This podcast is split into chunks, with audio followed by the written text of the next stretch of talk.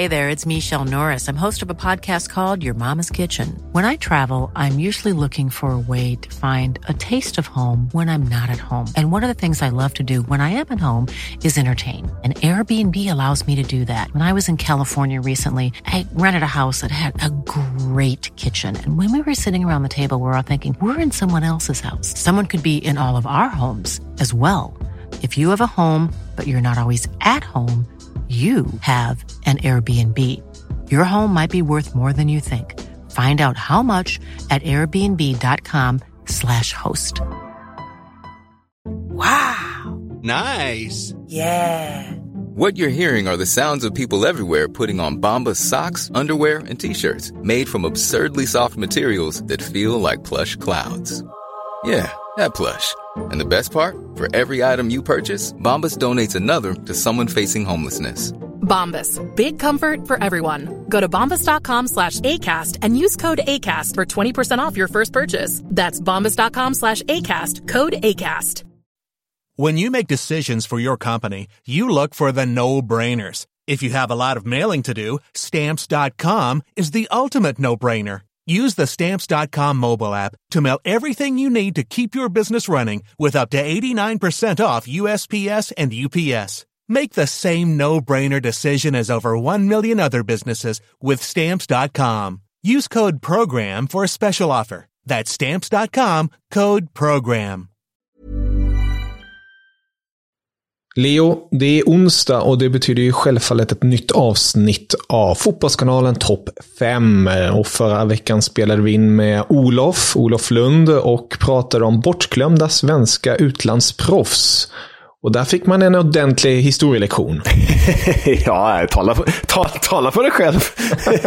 Nej, men eh, det är ju det som är bra när vi är eh, personer i studion från, ur olika generationer. Mm. För då kommer man in med olika infallsvinklar och sådär. Så, så eh, det gladde mig att Olof och jag hade två helt olika listor. Mm. Ja, det var det verkligen. Och, eh, jag, jag känner mer igen din lista en, en Olofs lista. Eh, och det var jäkligt kul att höra bägge. Det var ett sånt där avsnitt igen som var lite mer på nostalgi än på mera ja, tycke, så att säga. Mm, vi, vi kommer ju återkomma till, till det sen, men i dagens avsnitt med, med, med vår kära kollega Sia, då kommer vi tycka jävligt mycket. Oh ja, oh ja. Det är huvudskakningar, det är eh, förvridna ord, allt möjligt. Så det, det kommer bli jäkligt underhållande. Det rekommenderas att gå igenom hela avsnittet. Men innan vi sätter igång gingen och låter Sia tala, så tänker jag att vi bara lyfter lite kort på ett par listor här som några har skickat in från förra veckans avsnitt. Eh, och där har Mirsa Thule, en god vän som återigen har lyssnat på avsnittet och eh, gillar det,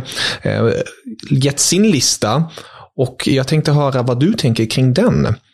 Han har på plats fem en spelare som vi tror jag nämnde förra veckan men inte tog in i någon lista, nämligen Ronny Hellström den eh, gode fina målvakten som eh, var i Tyskland och eh, fick ett och annat med sig därifrån.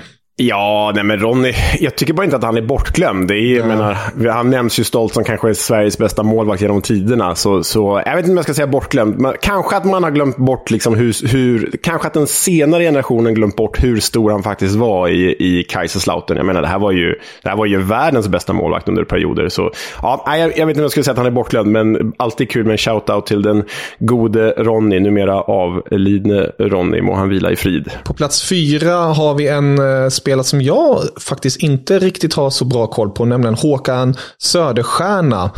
Motivering där är exceptionell bra spel med flera år i Landskrona. Trots enbart en arm hade han en teknik av hög klass, till och med ur ett internationellt perspektiv. Spelare förutom i Boys, även i danska Fremad Amager, Fredrikstad och i Singapores högsta liga. ja, nej men här blir väl Olof glad om man hör det här i efterhand, som att han är, det värmer Boys-hjärtat. Nej men Håkan Söderstjärna var ju en virtuos när, eh, i Allsvenskan när han och Daniel Landskog och Daniel Milovanovic satte färg på vår högsta serie. Jag, jag, är faktiskt för dåligt inläst på hans utlandsäventyr. Jag vet att han var i, i Singapore där, sen vet jag inte vad han satte för avtryck alls. Men, men det, här, det, var en, det här var ju liksom en Hasse Blomqvist-tekniker, eh, fast eh, ja, en enarmad sådan, vilket var ju speciellt. Eh, och sen på plats ett här, hoppa lite, har vi Tobias Linderoth. En spelare som jag i efterhand tänker, man, man, jag minns att man pratade mycket om att en sån spelare saknas i svenska landslaget. Men annars har det inte pratats så mycket om honom. Eller är det kanske jag som rör mig i fel kretsar? Nej, men här är ju eh, eh den här kära lyssnaren eh, Mirsa inne på någonting. För You're preaching to the choir. Tobias Linderoth är, är ju, äh, men enligt mig, och det här hade vi en stor diskussion om jag och några kollegor eh, under VM, i början av VM. Eh, jag, kommer inte, jag kommer inte ihåg varför vi började prata Tobias Linderoth, men, men Tobias Linderoth är ju alldeles för bortglömd och kanske ännu mer alldeles för underskattad. Vi kommer att göra ett avsnitt med, med topp fem underskattade spelare och jag skulle inte bli förvånad om Tobias Linderoth hamnar på min lista. För det här var ju en spelare av oerhörd vikt för eh, Tommy Söderberg och, och, och, Lars Lagerbäcks eh, landslag och satte ju även avtryck i utländska klubbar, framförallt i FC Köpenhamn. Inte i Everton, det gick inte så bra kanske. Men, men Tobias Linderoth, preaching to the choir Mirza, det här är ju ja, men en av 2000-talets viktigaste spelare i svensk landslagsfotboll i alla fall. Ja, jag ser fram emot den där underskattade listan. Eh, det, det kommer vi tillbaka till och vi kommer ju tillbaka till så många fler listor. Nu bara under de här senaste dagarna när man funderar på sina promenader på olika ämnen så poppar det upp ett och annat hela tiden. Så det, det, kommer mera. Det kommer verkligen mera. Men eh, låt oss sätta igång det här avsnittet. Eller vad säger du, Leo? Ja, nu ska vi bråka med Sia. nu kör vi.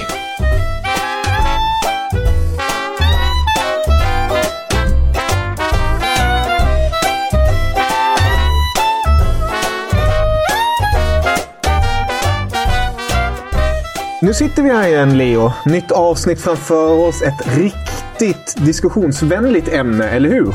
Ja, för det är ju så att det här ämnet berör ju många, berör ju verkligen mig. Jag som växte upp som någon slags Serie A-fantast. Liksom den finaste av ligor. I alla fall när man växte upp och nu när vi jobbar med den också så måste man göra reklam för den. Så det kanske är den finaste av ligor. Men topp fem anfallare i Serie A. Det är ett jäkla ämne. Ett riktigt saftigt ämne. Och till det här ämnet har vi då tagit in någon som är väldigt ingjuten i den italienska fotbollen och där det blir rent av personligt när man, när man börjar ta upp namn och diskutera. Och väldigt glad att välkomna Sia. Stort tack! Stort tack! Jäkligt kul att vara här. Ja. Börja med en svordom, förlåt. Men väldigt kul att vara här. Jag brukar inte svära, men jag blev lite för exalterad när jag såg det här ämnet och, och gubbarna som ska diskuteras. Jag har haft identitetskris i typ en vecka, men det ska gå bra. Skönt att höra, skönt att höra. Som eh, ni lyssnare vet om tidigare så kör vi varannan. Sia tar sin femte plats, sen kommer Leo, sen kommer Sias fjärde och så vidare och så vidare. Och emellan ska vi självklart diskutera, hylla eller totalt såga. Eh, och det här är det ju underbara, vi har sagt det tidigare i podden, men det här går ju verkligen ut på vad man tycker och tänker. Eh, det här är inte personangrepp eller någonting sånt. Det här är ett högt rum. Eller kan man säga högt rum? Det är högt i tak. Det är högt i tak, säger man. Det är bra att du är här vid min sida. Och det är ju verkligen eh, det som vi varit inne på tidigare. De här listorna är ju, finns ingen absolut sanning, ingen objektivitet. Det är bara ren och skär subjektivitet. Så det är lite kul att, att vi ska se om vi kan ja. äh, stöta på varandra. Lite här. objektivt är det ändå hos jo, mig. Det, annars, det är hade jag, annars hade jag nog bänken. Annars hade det bara varit Inter. Men det är alltså topp fem anfallare i Serie A någonsin, ska sägas också. Inte här och nu, utan någonsin. Precis. Sia, plats mm. fem. Ja, det är den som är... Alltså plats 1 till 4 var jag väldigt klar med. Men eh, där och då så har jag haft en battle mellan två italienska anfallare. Eh, och på min femte plats så battlar alltså Vieri och Del Piero. Mm. Och eh, jag kom fram till att jag tog Del Piero. Eh, jag tycker egentligen att vi är en bättre målskytt och han gjorde fler. Jag vet inte om han gjorde fler mål, men sen så kom jag på att jag ville någonstans premiera att Del Piero vann Champions League, vann ligan och åkte ur Serie B, var kvar och var trogen och vann igen. Så min femte plats är Alessandro Del Piero. Det är ju ett profilnamn. Ja, det... En gentleman, som många tycker också. Ja, men det framgångsrika Juventus kanske personifierat. Jag är lite överraskad, för jag menar, vi vet ju, vi som känner det, att du har inneboende negativa känslor gentemot Juventus, om vi säger så. Ja, nej men alltså sådär... Jag tror att många saker med distans uppskattar man mer eller mindre. Och Del Piero, alltså jag, jag har alltid liksom uppskattat spelare som har varit trogna sina lag, som har överlevt generationer i fotboll. Och är det något jag ska säga om Vieri är att liksom, jag tycker att han i slutet av sin karriär, där efter tiden med Inter, liksom att han... Det blev inte bra. Han gick till Milan och så började det liksom snackas om att han skulle stämma Inter och du vet sånt där. Med det sagt så håller jag honom högt, högt, högt som anfallare. Alltså hans målskörd är, är helt bisarr. Inte bara i Inter. Men jag måste någonstans premiera personen, gentlemannen och klassspelaren Del Piero. Och det som, jag kan ha, alltså, som man kan säga emot Del Piero eh, är att han ofta var väldigt mycket in och ut. Alltså, det, det kom en Zlatan och så kanske han förpassades till sidan och ibland så kom det någon annan och så förpassades han till sidan. Men han har alltid lämnat avtryck och jag måste liksom respektera antalet titlar han vunnit, antalet mål han har gjort, sätten han har gjort de här målen på. VM 2006, eh, att åka ur Serie B, komma tillbaka, vinna igen, vinna skytteligan. Eh, otroliga prestationer. Så äh, jag, jag, jag hamnar någonstans på honom, även om det gör ont i hjärtat att, att peta Vieri, som är en målmaskin och som jag tycker idag är en av de bästa experterna som finns i sitt program Bobo TV. Är Bobo Goal som han kallades. Det går ju liksom inte riktigt att attackera dig här. För Del Piero, om jag ska vara helt ärlig, nu avslöjar en sak. Han är inte med på min lista, men han är liksom... Där du satte honom femma satte jag honom sexa. Det här är ju... Man knackar på. Framgångs-Juventus personifierat, men inte det fula och smutsiga Juventus personifierat, utan den fina delen av Juventus personifierat, skulle sägas här också. Del Piero var ju ja, men en gentleman på många sätt. Vi pratade om Raúl González Blanco i tidigare avsnitt. En, en kanske italiensk motsvarighet. Liksom. Så han förtjänar verkligen sin plats på den här listan. Men ja, Vieri, säger jag. Vieri, där kan vi diskutera. Han måste vara med på den här listan, va? Ja, Det- Han är inte med på min lista. Nej. Så han är inte de andra platserna heller. Ja, jag, kan- jag, jag kan ta emot en såg för att Del Piero inte, eller Vieri inte är med på min lista i alla fall. Det kan jag göra. Han ligger oss varm om hjärtat. Vem, vem, vem hittar vi på din femte plats då? då? Ja, men här- Del Piero knackar, men Ja. kom inte in. Vem kommer på femte då? Nej, men det finns ingen tvekan om att Del Piero har större eftermäle och en större legacy än den här spelaren som kommer på femte plats nu. Men jag, ni hör ju när jag fortsätter brasklappa. Det- det- det igenom. Men den här spelaren var inte med på min originallista. Och sen så kände jag så här, "Nej, fan, hans prestation är så bra och, och, och så stark, trots att han är i sig en ganska tråkig spelare. Men jag har faktiskt Chiri Mobile på femte plats. Ganska begränsad anfallare. Sia skakar på huvudet, men låt mig motivera. Och jag, jag känner ju själv att det här är ett tråkigt val. Men han är fortfarande bara 32 år gammal. Han har mäktat med 188 mål i Serie A. Lika många som Del Piero ska sägas. 188 mål i Serie A. Och eh, det gör honom till liksom ni, på nionde plats i alla tiders skytteliga. Och med, med en fortsatt karriärkurva, som är någorlunda, skulle han göra typ 15 mål per säsong istället för 25 som han faktiskt gör de kommande två, tre åren. Då kommer han gå förbi Roberto Baggio, Antonio Di Natale, Giuseppe Miazza och Gunnar Nordahl för att placera sig trea i all time skytteligan. Chiro fucking Immobile! Denna begränsade anfallare som inte är tillräckligt bra i landslaget. Som dessutom spelat i, inom citationstecken nu, skräpklubbar som Genoa, Torino och Lazio. Han har liksom inte, han har inte haft ett årtionde i Inter, Milan eller Juventus. Han har spelat ett årtionde, förlåt alla Lazio-supportrar, i relativa skräpklubbar. Och ändå kommer han troligtvis placera sig på tredje plats i Serie A's all time skytteliga. Före de storheter jag nämnde. Och då har han ändå varit på utflykt i Dortmund och Sevilla. Där var han inte bra. Och där var han inte bra.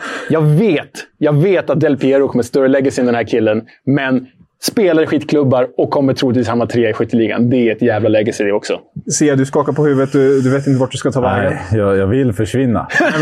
alltså, så här, jag, jag har stor respekt för det som Immobile gör just nu i, i Lazio. Eh, antalet mål han gör. Men jag tycker han levererar otroligt mycket mål i det som är det försvarsmässigt sämsta Serie A någonsin. Och då snackar jag både liksom kollektivt försvar, men också individuella försvarsspelare. Alltså jag tycker att i dagens Serie A så finns det kanske sex försvarare som du kan säga, de här kan gå in i topp 5-klubbarna i Europa. Och det är en stor del av anledningen till att en sån som Chiro Immobile inte bara gör 25 eller 30 mål, utan kan nosa på Iguains målrekord, är att jag tycker att försvararna i serien inte är tillräckligt bra. Och jag tycker att någonstans så bevisas det av hans sessioner i Dortmund och Sevilla, där han liksom knappt gjorde ett enda mål. Ehm, så med det sagt så... För mig är Ciro Immobile en så här... uh, mammas pastapojke, du vet. Alltså, han, han, han levererar bara i Italien, bara i, liksom, runt där han känner sig hemma. Och det låter väldigt konstigt att säga att jag respekterar hans målskörd när jag säger så, men jag gör verkligen det. Jag respekterar verkligen hans prestationer, hur, kon- hur mycket kontinuitet han har. Men jag tycker att han är en alldeles för begränsad spelare. Jag tycker inte han lämnat avtryck i landslaget. Tycker inte att han, hans mål kan sätta honom på en sån här lista. Jag har, jag har liksom accepterat att vissa spelare är dåliga och gör mycket mål. Men jag hade nog hellre haft en Pippo Enzagi än Ciro Immobile. Sett till tyngden av målen de, som han gjorde och sett till tyngden på spelarna han mötte. Alltså jag tycker att Serie A aldrig har varit så här dåligt på försvar. Och jag tycker att Ciro Immobiles målskörd är ett bevis på det. För gå och kolla på Gonzalo Higuains 36 mål och Ciro Immobiles 36 mål. Alltså det är klasskillnad. Men de kommer dela sina rekord. Och den här topp tre all time-listan som han kommer komma upp på nu. Nej, fy fan. Nej, men, för den här tog, som sagt, han var inte med på den ursprungliga listan och det tog emot. Och jag håller med dig om att Serie A defensivt, kanske inte sämst någonsin, men det är absolut inte det Serie A som vi såg på Maldini, 90-talet. Cannavaro. Nej, exakt. Eller det tidiga 2000-talet. Jag håller med. Men ja, han hade absolut inte varit nära den här listan om han hade gjort de här målen i ett årtionde i någon av de tre stora. Men nu hur han är i de här relativa skitklubbarna, förlåt Lazio igen, för det är ändå en rätt stor klubb, men i relativt, relativt sett så är det en skitklubb i förhållande. Då är det en sån jäkla bedrift ändå. Och jag tycker det blir en ännu större bedrift när det är en sån begränsad fotbollsspelare. För han har inte alls Del Pieros register. Det här är ju mer Trezeguets register, liksom. eller Pippos. Härligt. Vi är bara på plats fem fortfarande och diskussionerna är redan igång. Det gillar vi. Ja. Vem hittar vi på plats fyra, Sia? Eh, på plats fyra hittar vi Francesco Totti. Ehm, jag, jag strugglade länge med att definiera honom som en anfallare eller en tia, alltså en, en mittfältare. Då, men jag kom fram till att eh, Francesco Totti måste finnas på den här listan. ehm, sett till hans kvaliteter. Eh, det finns spelare som har gjort fler mål. Men jag tror inte det finns många spelare som har skapat fler mål och eh, skapat samma magi för sina fans som Totti gjorde. Eh, jag har sett honom några gånger in real life i liksom slutet av hans karriär, på San Siro framförallt. Och alltså, den bollbehandlingen, spelförståelsen och liksom eh, klassen som han hade. Eh, det här vi snackar typ 2012, 2013, 2014. Alltså det var bisarrt att se på. Ehm, och eh, han har en enorm målskörd. Han har en enorm assistskörd. Han har gjort ett par väldigt snygga mål. Lobben Eh, mot Inter. Ja, det är typ det snyggaste målet någonsin. Ja. Så, och i det här så har jag också lagt in att jag tycker Totti var en bättre spelare än Del Piero. Så där har jag liksom en eh, bråkpunkt som säkert som mycket, ofta diskuteras mellan Serie A-fans. Men jag håller honom som, som eh, den spelaren. och nu kommer många säkert ifrågasätta mig varför jag liksom inte haft med Maradona och så. Och sånt där. Men jag såg Totti. Jag upplevde Totti. Jag kunde liksom, trots att jag när jag var yngre kanske ogillade honom för att jag uppfattade honom som liksom arrogant och divig och allt du vet vad man gör. Ehm, så kunde jag ändå komma tillräckligt långt i att uppskatta honom som spelare, kapten, det som det innebar att han blev kvar i Roma. Sen så är jag team Spalletti när det gäller Totti slut, men eh, han är min fyra. Ja, där kan vi ju diskutera. Jag vet att vi inför det här avsnittet eh, diskuterade lite det här med anfallare. Vad är en anfallare? Vad är en inte anfallare? Som du är inne på här Sia. Totti är ju, jag minns så här ju, återigen tar jag FM som ett, eh, en riktlinje, så här second striker-aktigt. Att det blir som en släpande anfallare på ett sätt. Eh, och, Jag har ju reserver om det behövs. Nej, Men det, är, det, som, är bra med listor är att de är ju subjektiva. Ja. Och här kan vi göra våra olika bedömningar. Och jag satt ju också och lekte med Totti Totti i Mm. tanken och de här bedömningarna. Eh, och landar väl någonstans i att han är mer en trekvartista än Mm. en anfallare. Så jag lät honom vara utanför, men bara for the record. Hade jag räknat honom som en anfallare Mm. så hade han varit etta på den här listan. Oh. Så stor tycker jag att han, han eh, var. Ikon, legendar, geni. Också galen, vilket gör honom ännu härligare. Lojal, artist. Och som du är inne på, han skapar ju fan lika mycket mål som han gjorde. Mm. Och om inte mer. Och han är väl, han är väl typ etta eller tvåa i all time skytteligan. Så han har spelat hela sin karriär i Roma och är ju typ 20 år lång. Så det är klart han är mycket mål. Mm. Men, nej, fantastiskt. Hade jag haft med honom, etta. Ja, men han vann ju också med Roma. Alltså det är den, typ, eh, ibland när jag skulle, jag skulle förklara till exempel varför jag höll Stankovic som en liksom all time great i Serie A. Så har jag också med att han vann med Lazio. Alltså jag tycker de, det finns ett, många i Italien, eller Totti själv säger väl liksom att vinna en titel med Roma är som att vinna 10 eller 20 med en annan klubb. Och det, det är inte en subjektiv åsikt från dem. Det är historien som säger att Inter har vunnit 19, Milan har vunnit 19, Juve har vunnit över 30. Eh, Lazio och Roma, de har vunnit... Alltså Napoli, de har, du vet, det, de har inte kommit upp till 10. Nej. Så med det Har sagt... inte kommit upp till tre. Nej, alltså då, då, har man, då har man kommit upp... Alltså, då snackar vi om klubbar där det alltså, på riktigt är värt att nämna att det här, det är verkligen... Det händer så sällan att det är värt det. Och Totti, alltså, han, man ska inte underskatta att han gör det i sin klubb, i sin stad, i sitt lag. Och de gör det året efter Lazio. Ja. Så det är ett direkt svar på att liksom så här, så här kan det inte få vara. Och Det tycker jag är enormt stort. Och sen så vet man om Totti att han har haft bud från världens största klubbar. Och man vet också att Moratti ville ha honom. Och Moratti, han, alltså mycket kan sägas om vad Moratti är dålig på. Men när det kommer till anfallare, då kunde han sin grej. Så, Verkligen. ja. Kan man säga. så eh, Totti är min fyra, men jag har reserver om det behövs. Eh, om man inte ser honom som anfallare. Nej, men jag, jag tycker du har begrundat men du- bra och som du var inne på också. Man, man bygger upp sin egna lista på det här sättet. Det hade varit en annan sak om du plötsligt hade tagit in Fabio Cannavaro för alla hans Ja. nickmål eller något sånt. Då hade du kanske ifrågasatt det lite mera. Leo, plats fyra. Ja, men eh, det här tror jag är en spelare som återfinns högre upp på Sias lista. Ehm, han hade ju, om jag inte hade räknat Francesco Totti och om den här spelaren hade stannat, gjort fler säsonger i Serie A än vad han har gjort, då hade han nog varit etta på min lista. Och det är vår kära landsman Zlatan Ibrahimovic. Fjärdeplatsen. Hade han inte gjort de här utflykterna till Barcelona, PSG, United och Galaxy, utan kört Italien, då hade hans alltså, odödliga legacy som det är idag hade varit ännu, ännu större. För alltså, det här är en spelare som har hamrat in titlar. Juventus-titlarna kan vi ju inte räkna så här i efterhand, men, men han var ju ändå med i ett inom citationstecken vinnande Juventus. Han har hamrat in titlar, satt, var med och satt en ny era för Inter. Sen kan man diskutera vilka förutsättningar de hade och sådär då. Men verkligen startat en ny era med Inter. Han har gjort Milan två gånger om, liksom före och efter hans utflykter till ligamästare. Och då det här senaste Milan-guldet, även om han inte var jättesportsligt delaktig i det, så har ju alla vittnat om hans delaktighet som ledarfigur och, och, och sådär. Så nej, Zlatans arv i Serie A är förstås inte bara titlar, men det är en jävligt stor grej till att han är med här. Jag menar, den vinnarskallan har de alla möjliga mål han har gjort. Alltså den här typen av anfallare som Zlatan är, de långa och gängliga och sådär. De brukar oftast vara som Luca Toni eller David Trezeguet. Men ni vet ju vad Zlatan är. Han är ju liksom en helt annan fotbollsspelare än de här ganska kantiga och stora typerna. Nej, Zlatan är... Han har stannat i Serie A, han har varit min etta om vi då räknar bort Totti rent positionsmässigt. Men nu blir det fyra på grund av utflykterna. Men Så kan det bli med utflykter. Hur, hur, vad känner du kring det här? Är det... Nej, han kommer ju näst på min lista. Zlatan. nästa, ja.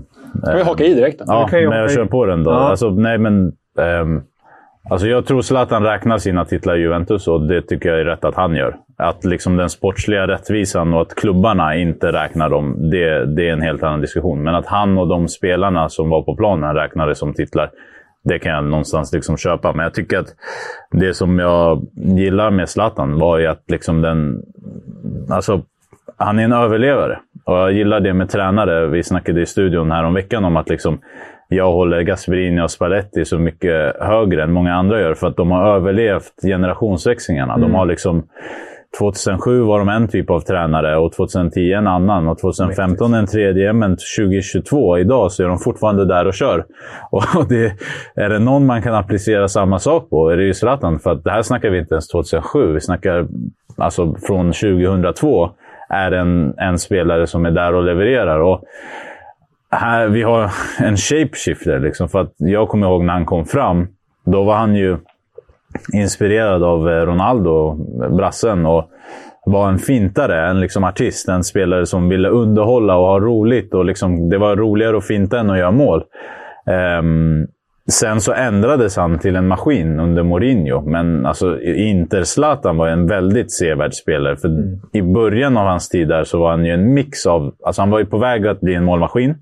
Men hade fortfarande kvar liksom gamla Zlatan-kvaliteterna. Där liksom, jag håller med. Roligast i karriären där. Ja, alltså inte Zlatan. Så, eh, med det sagt, alltså att vinna de titlarna, göra de avgörande målen, eh, vara den avgörande spelaren och att vara det i alla tre stora klubbar i Italien, det är en enorm prestation. Att komma tillbaka, eller alltså att gå från Barca till Milan, vinna ligatiteln med, med dem.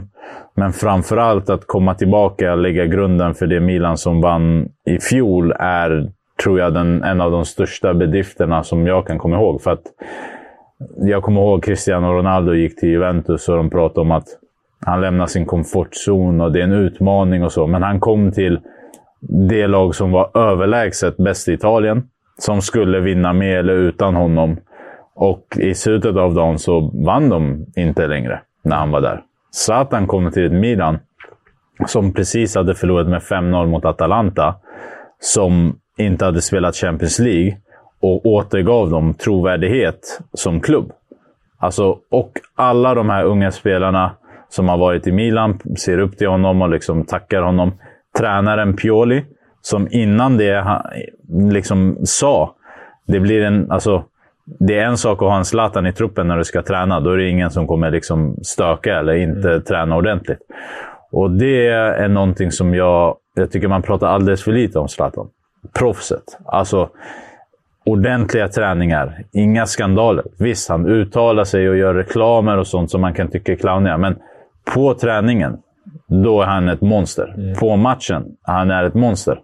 Och att, vin, att Milan vinner den titeln, även om han inte spelar så mycket, är mm, upp till Zlatan. Som gör ett lag unga. Alltså man, man kan inte kalla dem förlorare för de har inte spelat så länge. Men ett, ett gäng unga som aldrig har vunnit går och vinner på det sättet som Milan vinner. Det är en del av Zlatans arv och hans mentalitet. Så han, han är enorm i Italien. Och det går... Alltså, ja, han, är, han är trea på min lista. Han är framför Totti, han är framför Del Piero. Han har vunnit i flera klubbar. Han kombinerar liksom styrka och Alltså vad säger man? Ja, men med sin 1,90 någonting stora kropp. Alltså, det, det är en otrolig spelare, en otrolig mentalitet. Det enda man kan säga om honom är att eh, han borde ha gjort bättre ifrån sig i Champions League. Som enskild spelare i de stora matcherna i Europa så tycker jag att han... Vi kan förvänta oss mer. Eh, så... Han, han hade nog förväntat sig mer också, ja, tror jag. För att han har enskilda prestationer i Europamatcher som inte är tillräckligt bra. Mm. Och även med Sverige skulle jag säga att alltså, han gjorde mycket. Han var omgiven av mycket sämre spelare. Och han tog ett Sverige till VM liksom och så vidare. Eh, EM menar jag. Eh, I playoff och sånt. Men jag tror också att han själv eh, tycker att sett till hur bra han var och hur bra Sverige var när han var med, hade kunnat få ut mer av landslaget. Men eh, det finns fortfarande tid och att han fortfarande är kvar. Alltså, jag skulle inte bli förvånad om han kommer liksom avsluta den här säsongen med med eh, mål i Champions League och att Milan är med i toppstriden. Ja, spännande. Blir då den äldsta målskytten i Champions League-historia också, ska sägas. Om han nätar för Milan. Mm. Leo. Ja, det var ja. plats trea för Sia. Vem har du på plats tre? Nu, nu är vi på pärlplatserna. Zlatan tar en bromsplats hos Sia. Ja, men min bromsplats eh, är väl ett skrällnamn i sammanhanget. En jävla, ett hipsterval. Oh. Eh, kanske inte så förvånande. Men det är Antonio Di Natale. Okej. Eh, på många sätt en blandning av en... Äh, men, så här, han har ju uppvisat samma lojalitet som Totti, fast i en betydligt mindre klubb. Visst, han lämnade Empoli för Udinese. Sen stannar han resten och majoriteten av sin karriär i Förlåt att jag svär på engelska här nu, men fucking Udinese. Det är ju helt sjukt. För den här killen gör alltså 209 mål i Serie A. Sjätte mest i Serie A's historia. I då, när vi pratar om att Serie A har devalverats kvalitetsmässigt. Han gör det i ett Serie A som är bland de bästa någonsin, när vi snackar för liksom 2005, 2006 och sådär. Men också ett Serie A som är, blev sämre. Men då ska jag också säga att han, hans Udinese försämrades i takt med att Serie A försämrades. Och mängder med bud på den här spelaren. Juventus ville ha honom, Milan ville ha honom, Roma ville ha honom, Lazio ville ha honom, utländska klubbar ville ha honom. Han stannar i Udinese. Kom igen! Alltså, det, det, det, är ett arv om något och ett statement av lojalitet. Så, nej, otroligt mäktigt av Antonio Di Natale. Mm. Som skulle vi göra en underskattad lista någon gång så kan han mycket väl vara med där. För jag tror inte bara det att han, han gjorde inte bara mål för Udinese mot Empoli, och Sassuolo och Torino. Han gjorde mål mot de stora också. Mm.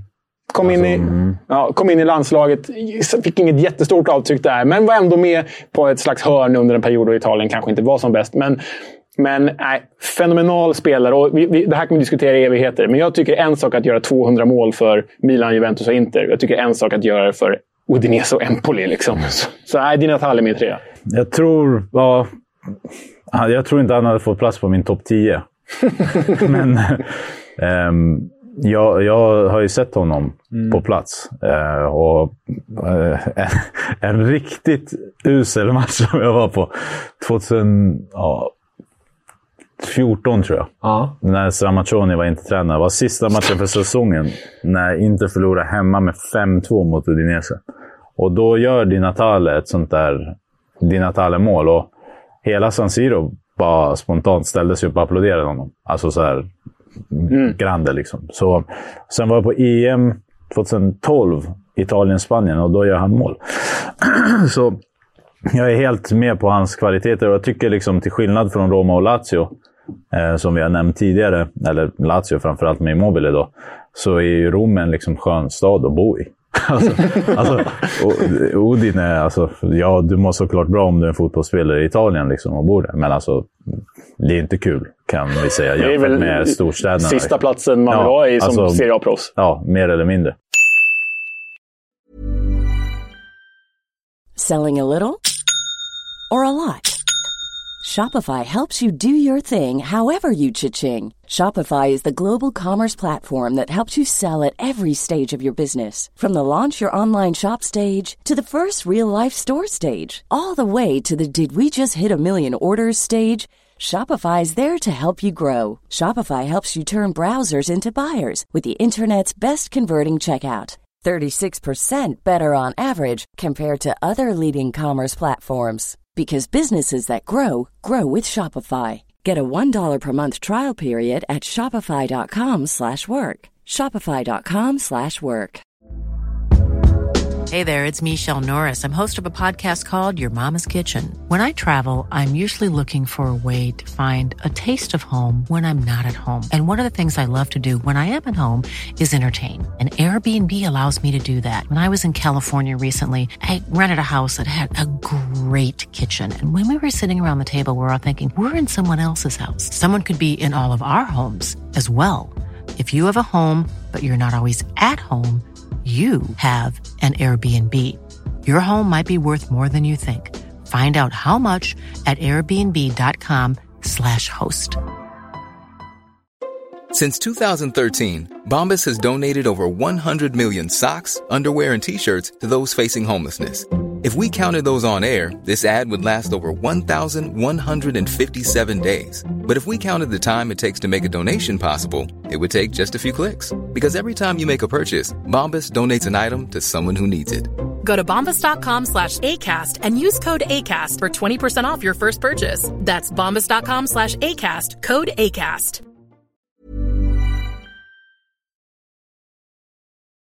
Vem plockar silvermedaljen då? då? Ja, Alltså här har jag liksom velat så otroligt länge. Och egentligen är det här... Alltså så här, skulle jag gå på antalet mål, bra säsonger, avgörande säsonger. eh, skadefri, då hade han varit min etta. Men han hamnade tvåa på grund av personlig preferens. Och det är Andrei Shevchenko är min nummer två. Och alltså, jag tycker det är den bästa en av de bästa niorna någonsin. För att han var en nia. Alltså han var en, vi, Extremt klinisk. Ja, men han var inte, han var inte Totti eller Del Piero Nej. som också var tior eller spelfördelare. Utan vi snackar en av dem, alltså en nia. Stark, snabb, duktig i boxen, bra på huvudet. Eh, så, och det som jag tycker liksom skiljer eh, honom mot eh, Di Natale och Immobile, men till viss del även alltså, Totti. Nu Totti kanske mest på grund av att lagen han spelade i hamnade inte i Champions League-finaler och sånt. Men du visste när det var derby i Milano och Champions League-final att du kan räkna med Andrei Shevchenko. Nu missar han mot Dudek, liksom. Eh, vad heter det? Bra lägen och straff. Liksom. Men han gör ju upp det och har gjort upp det innan. Ja, men Cheva är ju, han har ju verkligen varit med i mina tankar och figurerar på den här listan. Och Cheva eh, symboliserar ju lite det som har varit vanligt under en period i Serie A. För här finns det ju anfallare med väldigt kort brintid. Mm. Och när de är som bäst så är de kanske bäst i världen. Andrei Shevchenko, Adriano, riktiga Ronaldo.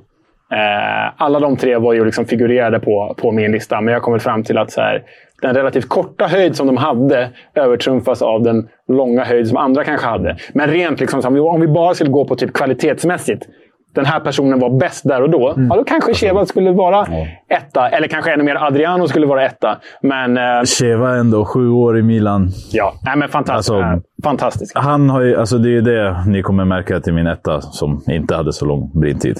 Men mm. Cheva hade ju verkligen längre brintid än man kommer ihåg. Alltså sju år, över hundra mål.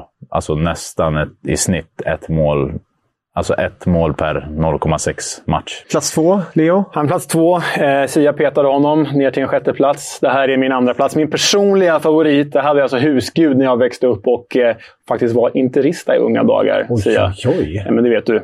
Ja. Eh, Christian Vieri. Och det kanske Han är därför... interista nu också, faktiskt. Efter ja. en lång fade. Men han är tillbaka.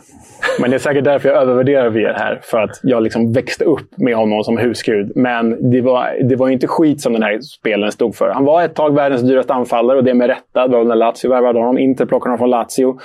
Och det blev till slut 142 mål i Serie A. Det låter inte jättemycket om man jämför med typ Totti eller, mm. eller Gunnar Nordahl och sådär. Men tittar man mål per minut i Serie A, för det här var en skadeförföljd anfallet ska vi komma ihåg. Och en anfallare med många taskiga säsonger på slutet. Eh, men tredje plats i mål per minut i Serie A's historia. Och det säger något om vilken jävla bomber det här var. Och snackar vi bomber, för Serie A har ju bombers, mm. så är nog det här urtypen för den riktiga Serie A-bombern. Liksom. De enda som är bättre i mål per minut är för Gunnar Nordahl och, och Cristiano Ronaldo. Så det, det, bara det är en grej. Men Bob och Goal, Inters näst bästa målskytt i modern tid. Bara, bara Mauro Icardi är bättre. Det är ju sjukt att han ens är där. Han har inte ens varit nära på min topp 100 serialista tror jag. Han, han hade, alltså på tal om liksom Immobile. Alltså hade Icardi stannat i Inter och fått spela, då tror jag han hade slaktat den där listan. Alltså. Mycket möjligt. Mycket möjligt. Men eh, eh rolig grej från när jag själv pluggade i Italien. Eh, så var jag på Empoli-Milan. Eh, och det var ju, eh, då spelade vi i Milan. Jag lämnat Inter och kaoset där och han skulle stämma dem och allt sådär. Men då gjorde han faktiskt mål. Hans enda mål i Milan-tröjan såg jag på plats. Och det kändes det så mycket. jäkla konstigt när jag ändå var uppväxt interista. Liksom. Men samma höst så var jag eh, och såg Inter Fiorentina. Ehm, och så gick jag på Intermuseet med min kompis. Och då frågade jag om eh, Christian Vieri, var är, var är han någonstans? Det fanns inte ett ord om Christian Vieri på hela museet. Men Ronaldo fanns där och liksom fucking typ Nicola Ventola fanns typ mm. där. Och de bara Christian Vieri non existe. Det var liksom så här. De har plockat bort honom från, från museet på grund av det väldigt tråkiga avslut som han och Inter fick tillsammans. Man gick ju till Milan och liksom, alltså, alltså det var dålig stämning. Det var det, var det, det verkligen. När jag var där, min första match på San Siro, eh, 2010 mot Bologna, april. Då hade ju liksom inte klacken dedikerat en halvtimme åt att hatramsa Vieri. Ja. Så jag liksom... så de hade liksom banderoller mot honom och grejer. Så det var, det var väldigt dålig stämning där. Man kan ha med sig att nu det där är överspelat och nu är han liksom tillbaka. Alltså nu är han liksom öppet, öppen med att så här, ja, vi har gått vidare och jag är inte rista och så. Men han, alltså, han var en tank. Liksom. Nej, jag, jag har inte honom på min topp, men jag, jag köper verkligen att han är högt upp för att han var en anfallare som en anfallare ska vara. Alltså mycket mål, bra på huvudet, bra på fötterna, kunde göra mål med vänster, höger. Stark i kroppen, tagit spel. Alltså han, han var ju verkligen före sin tid. Så Oh ja. jag köper att han är där uppe, men jag håller mina spelare högre. Ja. Sån, sån, jäkla, sån jäkla karaktär också. För han, han går ju från att liksom vinna Serie A's skytteliga och göra alla de här målen för Inter till att flytta till Milan och allt går ut för. Så han är liksom... i 2004 kom han tvåa i Bidone d'Oro. Alltså vad säger man? Guldsoptunnan typ. Ja, Eh, exakt. Ja, alltså de, de, de rankar då Serie A's Sämsta. spelare. Och 2005 vinner han den titeln. Så det går, det går ju snabbt utför. Men också, jag vet inte om ni kommer ihåg Italiens fiasko. Vilket mästerskap var det? 2004 är det ju. EM 2004. De åker ut mot eh, Sverige och Danmark i gruppen. Presskonferens där eh, Gigi Buffon sitter på podiet tillsammans med någon annan. Kommer inte ihåg förbundskaptenen, tror jag det är. Och de blir hårt ansatta för att de har åkt ut. Christian Vieri stormar in och skäller ut folk på engelska. Skäller ut alla journalister på engelska. Så här, How dare you speak like this to my, to my friends and players? How dare you? För han är ju född och uppvuxen i Australien, så han pratar ju perfekt engelska. Liksom. Och det är bara att storma in där på presskonferensen och köra den. How dare you? Det är mäktigt alltså.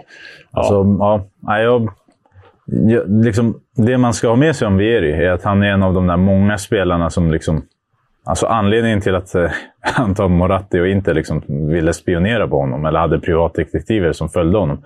För att, alltså, han levde ju inte ett professionellt liv. Alltså, han var ju en sån som... Liksom, alltså, han och Ronaldo hade många roliga utekvällar tillsammans. Och, Ehm, och idag så tror jag så här, idag så hade inte en sån spelare kommit så långt. Nej. Men han kanske inte heller hade varit den typen då. Verkligen. För att eh, du, vi vet idag, alltså det, det funkar liksom inte på att vara, dricka alkohol varje kväll Nej. och komma bakis till träningarna och komma kanske full till träning. Alltså Ronaldo klarade av det för att han var liksom Ronaldo, men Bobo Vieri hade inte överlevt i dagens fotboll. Med det sagt så var han ju en grym anfallare, men idag så är det ju kul att följa honom, för han driver ju liksom det bästa fotbollsprogrammet som finns i Italien på Twitch. Där han och Casano, Ventola och Adani sitter och liksom snackar fotboll.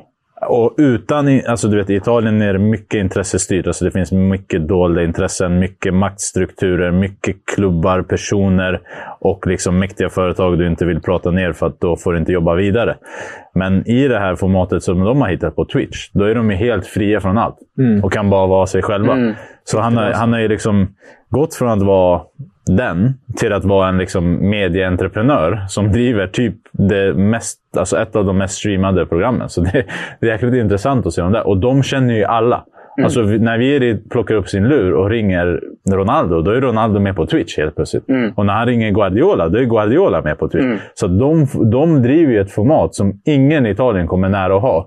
Och de slipper de här att du kan inte prata om Juventus, du kan inte prata Ja. om Milan, du kan inte prata om Ranieri. De kör och Casano kör ju bara. så nej, det där, jag, jag har liksom omvärderat Vieri för att när jag växte upp så var han en sån där som man först älskade och sen hatade. Alltså för att han var ju verkligen så här. Han gick emot allt liksom och var illojal och sånt. Men nu så, när man har växt upp lite och inte är lika aggro liksom, så uh, kan jag bara uppskatta hans gärning som spelare. Så jag köper att han är tvåa, men för mig sex. Ja.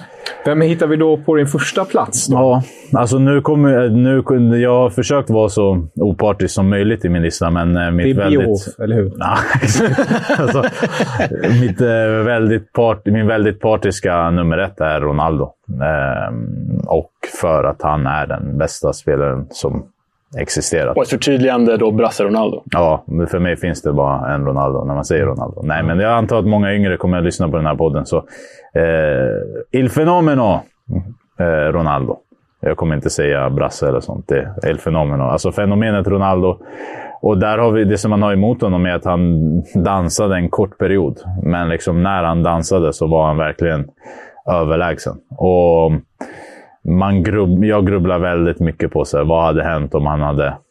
Alltså jag känner, så som jag ser Ronaldo, så var han fången i en för snabb kropp för den tiden. Alltså han var för explosiv, han var för snabb och man kunde liksom inte tillräckligt mycket om skador, knän och ja, allt vad det är då. Och det kombinerat med en livsstil som var väldigt brasiliansk. Alltså man skulle ha kul, man skulle festa, man skulle dricka, man skulle dansa. Man skulle liksom inte leva professionellt. Med det sagt så är det den överlägset bästa spelaren som jag har sett. Och jag tycker någonstans att han var en av de spelare som man kan säga ändrade på fotbollen. Alltså för honom så gick allt mycket snabbare än alla andra. Mm. Han fick enormt mycket stryk och sparkar. Han var en av de spelarna som liksom redan då du vet, systematiskt faulades, som vi ser liksom Messi bli nu. Um, han kombinerade teknik med fart, mål och assist. Um, han var extremt duktig på att utföra finter, alltså i hög fart. Sånt som vi kanske förknippar mycket med Messi. Um, och jag tror också att han la grunden till många tekniska, duktiga anfallare som kom efter honom. Och jag tycker liksom att hans legacy på det sättet är det viktigaste. Och jag har inte med Maradona på min lista för att jag tycker han är någonstans mycket mer tia kanske än Totti var. Men eh, för mig som inte upplevde Maradona på samma sätt som kanske generationen över mig gjorde, så är Ronaldo den bästa spelaren genom tiderna och då kan jag inte annat än att ha honom på topp ett. Och sen så går han ju till Milan och gör mål i det derbyt också. Det betyder sen ingenting, men det har jag också liksom förlåtit honom för. Eh, men för mig det, går det inte att neka att det där är den bästa anfallaren mm. all times. Ja, Leo, vem är då på din första plats? Ja, han är faktiskt inte nämnd hittills. Eh, Klose. jag kan meddela att dina kära tyskar, Klose, Klinsmann och vilka Bierhoff. mer som finns, Bierhoff, de är inte med. Sen kan jag uppskatta, jag kan uppskatta en eh, Bierhoff-nick och jag kan uppskatta, även om jag sågade Klose så att han var överskattad, så uppskattar jag ändå Klose. Jag kan framförallt uppskatta Klinsmann. Vilken jävla spelare. Men, eh, nej, men här har vi en argentinare. Och det är inte Maradona. För precis som Sia gjorde jag den bedömning, samma bedömning som jag gjorde med Totti. Jag tycker det är för mycket en, en tia. Uh-huh. Eh, det är för mycket en tia Maradona. Sen är hans, hade det här varit en lista med liksom topp fem eftermäle i Serie A, då kanske Maradona hade varit etta. Liksom. Men det här, det här är något annat. Eller, den listan borde vi göra. Topp top fem eh, trekvartista eller tio positioner. Ja. Totti eller Maradona. Det är en jävla fight. Mm. Ja, men här blir Gabriel Batistuta. Och det ska ju sägas att jag är ju Fiorentina-supporter. Där och då, i och för sig, växte jag upp som interista, så jag var ju mer Inter-supporter som barn än, än Fiorentina. Alltså jag, när jag pluggade i Florens så var ju Luca Toni den stora spelaren. Så, och han är inte ens med på din lista? Han är inte ens med på min lista. Nej. Nej. Men Batistuta handlar om klass och lojalitet. Han stannade alltså ett årtionde i Fiorentina, hela 90-talet, trots att de åker ner i Serie B. Och trots att han på riktigt, där och då, är en av världens tre bästa anfallare. Liksom. Han är verkligen en av världens, vi kan sträcka det till en av världens fem bästa anfallare. Han stannar i ett Fiorentina som åker ner i Serie B, går upp. Han stannar i Fiorentina som förvisso är ett ganska bra Fiorentina när de är i Serie A. Men när de är som bäst, då kommer de typ fyra. De vinner italienska kuppen. De är glada om de når Champions League. Spelar mot AIK där 90, 99, va? Så här har vi verkligen prov på lojalitet. Och sen känner han mot slutet av karriären, efter att ha bombat in 25 mål per säsong i Fiorentina, som inte är bäst, så känner han nej, jag måste vinna Serie A någon gång.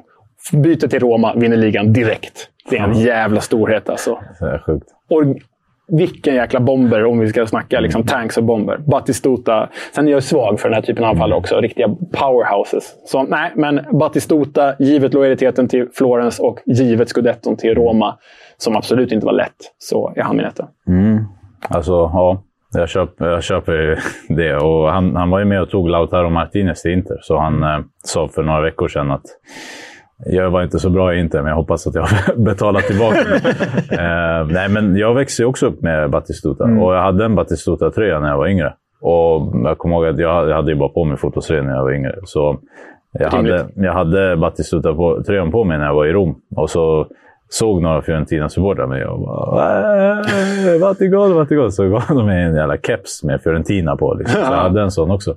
Och sen när jag rensade, rensade mitt källarförråd för något år sedan så hittade jag den där jävla kepsen som är så 20 år gammal och säkert riktigt vidrig. Men eh, där och då så kommer jag ihåg att liksom Batistuta var enorm.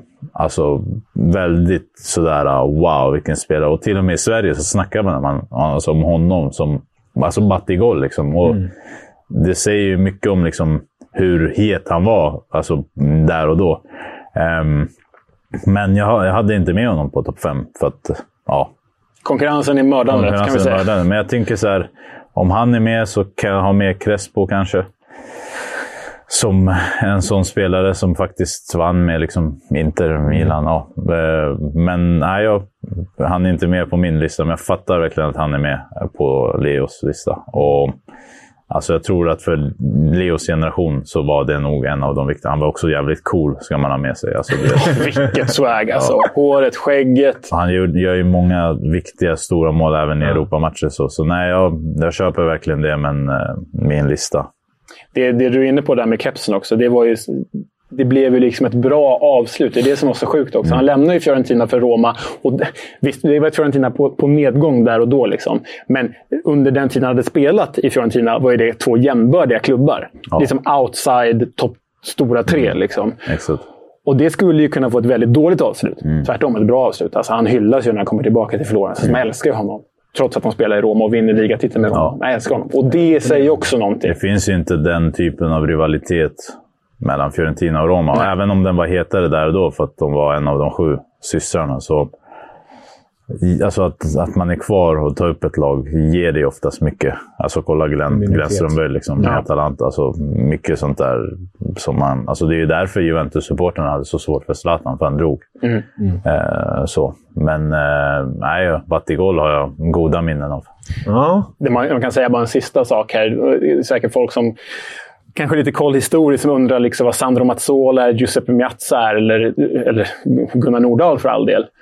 Och anledningen att, de, att jag inte har med dem på min lista är bara att, det är jämt som Sia varit inne på, jag upplevde dem inte. Men man kan ändå gå tillbaka i historieböckerna. Men min bedömning då, som Sia touchade med mig i Mobile där, det är att det var så ohyggligt mycket lättare att göra mål på 50 och 60-talet än vad det är nu. Sia, tusen tack för din tack lista. Själva. Och tack du också Lea som vanligt. Um, tack, och tack. Ni lyssnare ni får självklart skicka in era listor. Skriv till oss på Twitter.